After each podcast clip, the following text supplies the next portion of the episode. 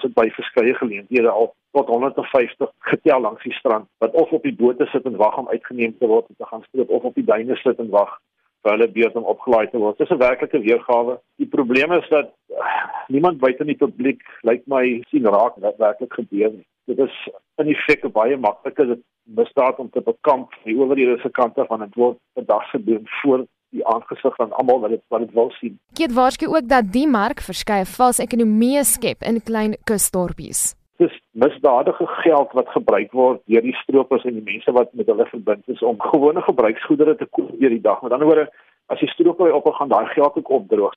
Op die omgewing is dit ongeken. Daar word min navorsing gedoen deur die wetenskaplikes oor die werklike impak. Kom ons veronderstel dat 10 duikers op 'n boot en elkeen vir 10 kg per lemoen uit op 'n dag, wat baie baie laag is eintlik. En jy tel dit op in vermenigvuldige nou ja, met hoeveel dae wat hulle duik. En as mens dink, ek dink die laaste kommersiële kwota was iets so 60 ton per jaar. Is dit baie meer as daai kwota wat gestroop word? Hy sê stroopers neem nou bote dieper die see in omdat reserve naby die kus so te sê uitgeput is. Inwoners begin intussen keelvol raak en hulle tasse pak. Ek glo nie dit is 'n volhoubare misdaad nie. Die implikasies daarvan is wat gaan hierdie mense doen as hulle klaar gestroop is en die perdemoeners op? Dit sien mense baie keer as die weer sleg is by die kusdorpies en ouens kan nie duik nie is daar baie besliste toename in inbrake en en en die stalle.